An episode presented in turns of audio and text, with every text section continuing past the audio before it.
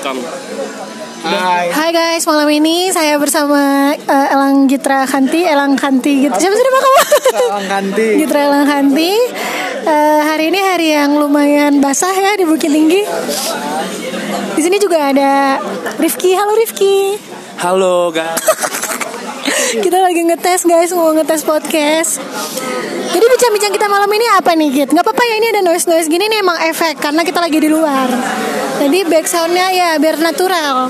Anggap saja ini ambience-nya. Betul. Ya, mungkin Gitra bisa perkenalan diri dulu. Ya, saya Gitra. Sekarang dipanggil Elang. Saya kata orang fuckboy. Sebenarnya enggak sih. Sering dibikin sedih sama perempuan. Sudah. Oh gitu, oke. Oke mungkin bisa diceritain gitu pengalaman diselingkuhinnya langsung aja kita nggak usah basa-basi.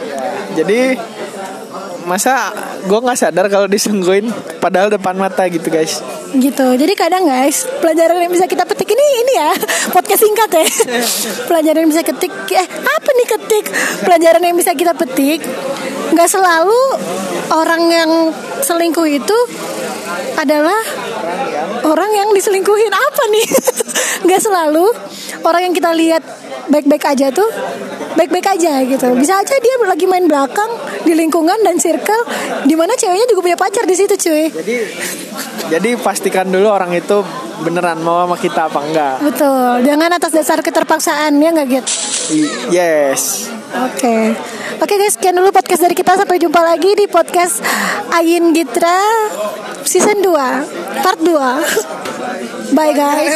dadah Udah. Udah bye.